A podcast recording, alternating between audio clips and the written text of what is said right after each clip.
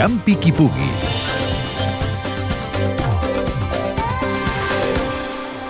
El 25 de febrer de l'any 1921, vuit clubs catalans amb els seus presidents i representants al capdavant van fundar la Federació Catalana de Natació.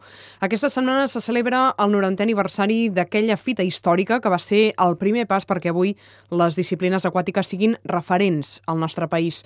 En parla el director esportiu de la Federació, Eugeni Ballarín. Tenim dues disciplines molt consolidades, que són el cas de la natació i del waterpolo, amb una participació ja molt estable per part dels clubs, i després tenim dues disciplines, doncs, com són la natació sincronitzada i els salts, doncs, que una està creixent molt, que és la natació sincronitzada, i la veritat és que en poc temps doncs, creixerà molt.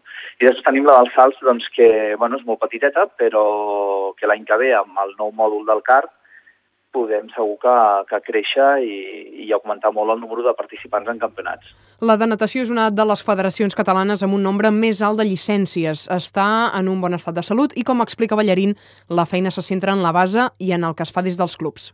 La veritat és que les categories que van creixent doncs van, van, van venint amb bons resultats. No? I la veritat és que, a banda dels clubs ja, diguem, més consagrats, no? els, els clubs grans, el Sabadell, Sant Andreu, Terrassa, Mataró, tots aquests clubs així més grans, doncs tenim clubs eh, petits doncs, que a poc a poc estan començant a treure a treure bons resultats. No? Tenim Lloret, un Badia, tenim clubs d'aquests així petitets que, que, que fa anys doncs, que, que, no treien gent doncs que a poc a poc van traient el cap en, en aquests campionats. I això és important perquè, d'alguna forma, eh, després en categories més grans ens haurem de nodrir de tota aquesta, de, tot aquest, de tots aquests clubs.